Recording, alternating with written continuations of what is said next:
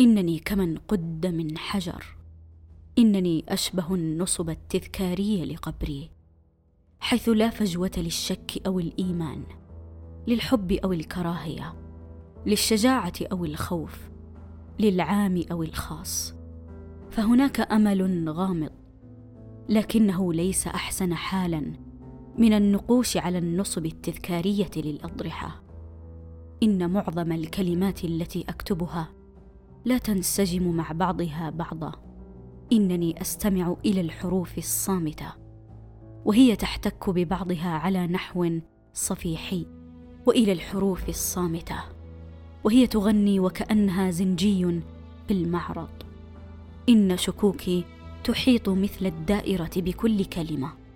هذه الشكوك التي كنت أراها فيما مضى كالكلمة إذ كيف يمكن لي أن أراها؟ إنني لم أرى تلك الكلمة قط. لقد اخترعتها وقد كادت تكون المصيبة الكبرى. لكن يتوجب علي أن أخترع كلمات تكون قادرة على نفخ رائحة الجثث في اتجاه لا يصيبني مثل ما لا يصيب القارئ مباشرة. عندما أجلس إلى طاولة الكتابة فإنني لا أشعر بالراحة. كمن يقع في ذروة الحركة في الأوبرا. فتكسر ساقه. كل العربات على الرغم من ضوضائها تسعى صامتة كي تنتقل من جهة إلى أخرى. لكن الترتيب الأفضل هو عندما يلحق رجال الأمن الأذى بذلك الرجل فيغلقون عينيه ويخلون الساحة والشوارع فلا تحتاج العربة للدوران. إن الحياة المملوءة تؤلمه فهو ليس أكثر من عائق للحركة لكن الفراغ لا يقل سوءا لأنه يجعل ألمه الذاتي بلا معنى.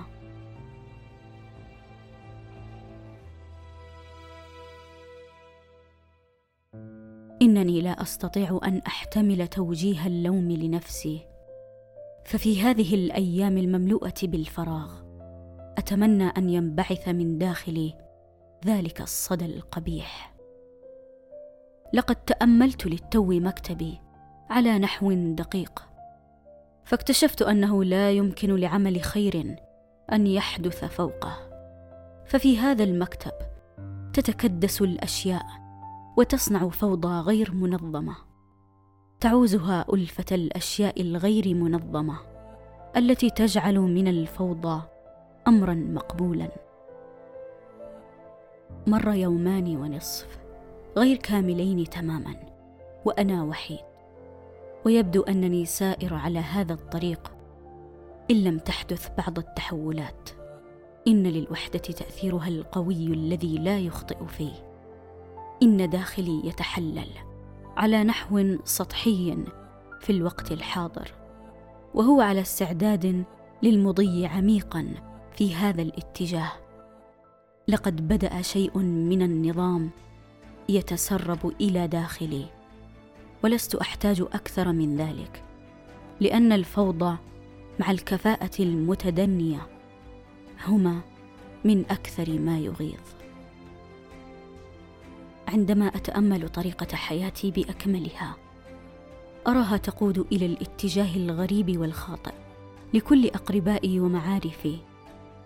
وعندئذ تظهر المخاوف التي عبر عنها أبي من أنه سينبثق مني عمي رودولف ثانية أحمق الجيل الجديد في العائلة الذي سيلبي حاجات زمن مغاير لكنني سأكون منذ هذه اللحظة قادرا على فهم مشاعر والدتي التي أخذت معارضتها لمثل هذا الرأي.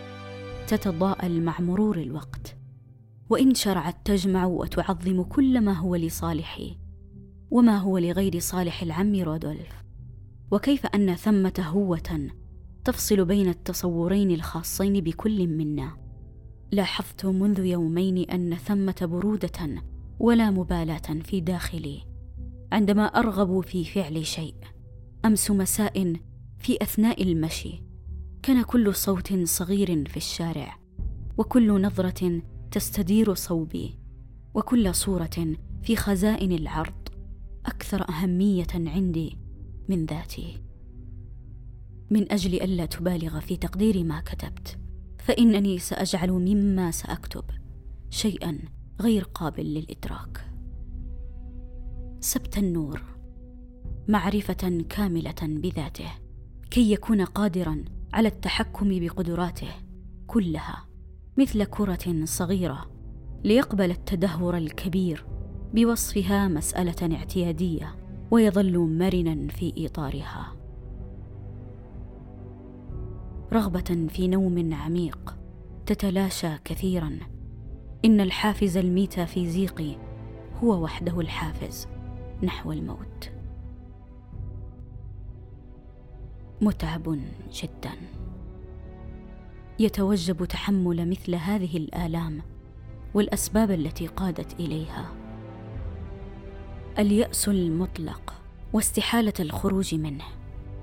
وهو يأس لا يتوقف إلا عندما أصبح راضيا عن معاناتي لا أستطيع مواصلة الكتابة. فأنا في هذه اللحظة على الحدود النهائية التي سأمكث فيها على الأغلب سنوات طويلة. لعلي أستطيع أن أبدأ من خلالها مجددا حكاية دائمة لا تنتهي. يلاحقني هذا المصير. فقد غدوت باردا وعديم الإحساس للمرة الثانية ولم يبق لي إلا العشق الشيخوخي للهدوء المطلق. أحرك رقبتي من جهة لأخرى كأي نوع من أنواع الحيوانات المنفصلة عن الناس. تعثر تام وعذابا لا حدود له. في بعض الظروف المحددة الخاصة بالإدراك الذاتي فضلا عن ظروف أخرى مصاحبة ومناسبة سيحدث بالضرورة على نحو منتظم. أن يجد المرء نفسه مقززا فكل مقياس من مقاييس الخير حتى لو كانت الآراء ما تزال مختلفة بصددها ستظهر كبيرة تماما. وسيدرك المرء أن الإنسان ليس أكثر من جحر فيران ذي خلفيات فكرية بائسة ولن يكون أي عمل من أعماله مهما صغر متحررا. من هذه الخلفية الفكرية وستكون هذه الخلفية الفكرية قذرة تماما لدرجة أن المرء لا يمعن في حال الملاحظة الذاتية بالتفكير فيها بل يكتفي بالنظر إليها من بعيد.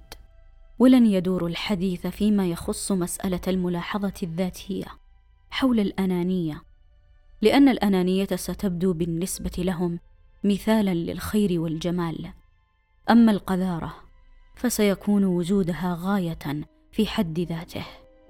وسيلحظ المرء أنه جاء إلى هذا العالم وهو يتصبب عرقا من هذا العبء.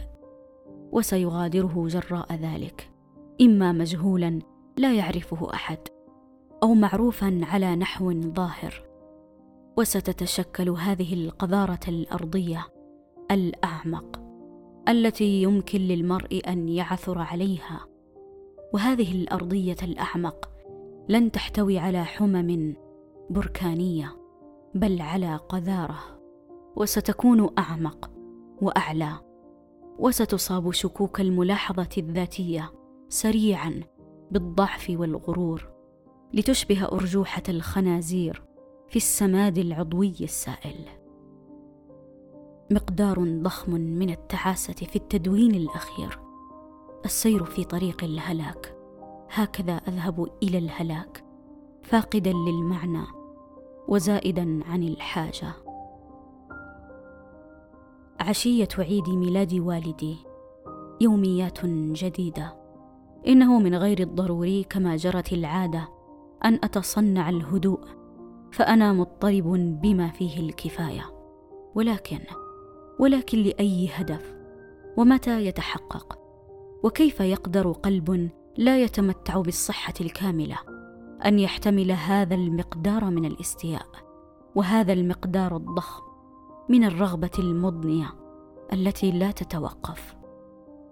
شرود بال ضعف في الذاكرة غباء. أشكال شتى للعصبية. أنا لا أظن أن الضجيج يمكن له أن يستمر في إزعاجي وفي الأحوال كلها فإنني لا أعمل شيئا الآن.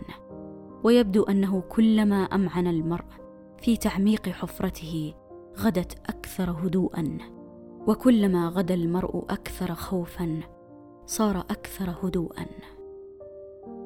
أيام تنقضي بلا جدوى طاقة تذهب سدى بالانتظار.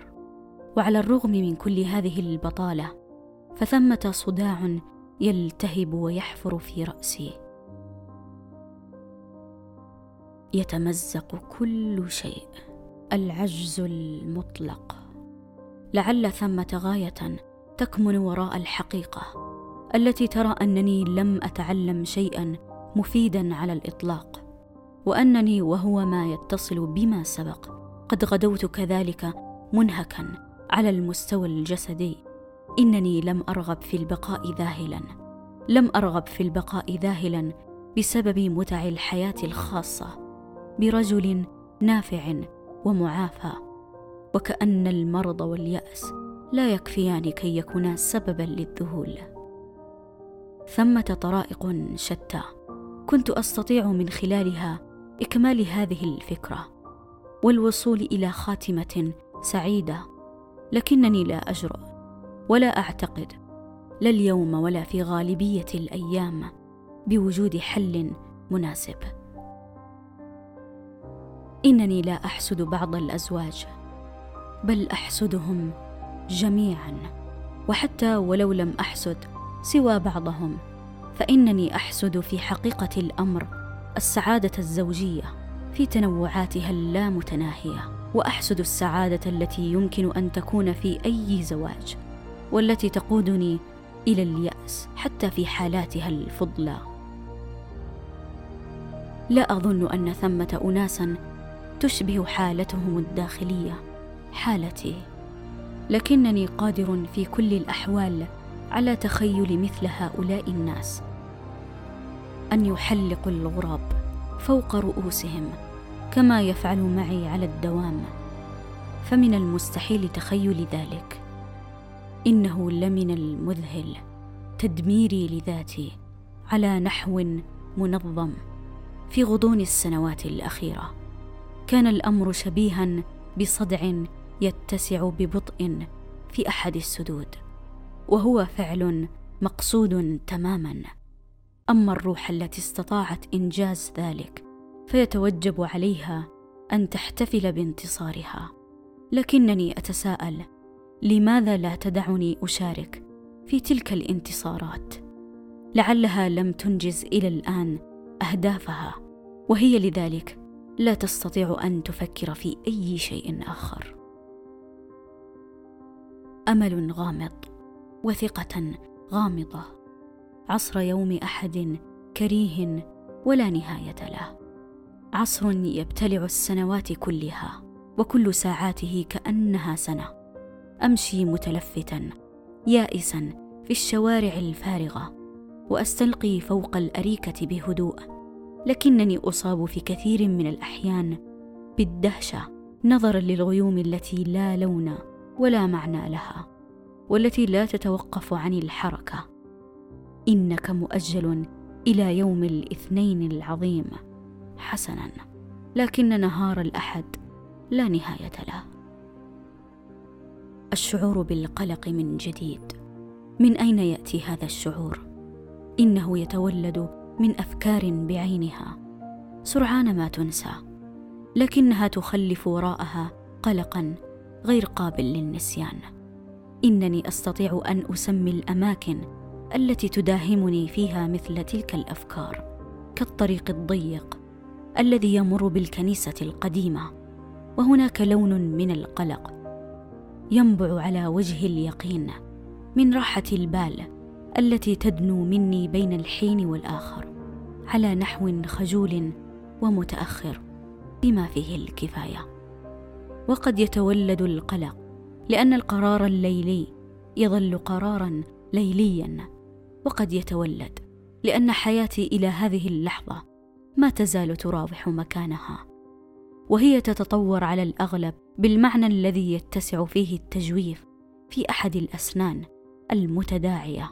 إنني لم أظهر أدنى مستوى من الصلابة في تصريف شؤون حياتي وبدأ الأمر بالنسبة لي كأي إنسان آخر وضع في منتصف الدائرة وكأنني كأي إنسان آخر كان يتوجب علي أن أرسم دائرتي المثالية حول تلك النقطة لكنني اخترت الوقوف بدلا من ذلك عند نصف قطر الدائرة وظل يتوجب علي أن أكسرها على الدوام. الطفولة الخالدة الحياة تنادي من جديد. من الممكن تماما التخيل أن روعة الحياة تقف بكاملها في انتظار كل واحد منا. لكنها تختفي في الأعماق على نحو غير مرئي وبعيد تماما. لكنها لا تقبع هناك مشاكسة أو صماء فإذا ما استدعاها المرء مستخدما الكلمة السليمة فإنها تجيء. وهذا هو جوهر السحر الذي لا تصنعه ولكنها تستدعيه.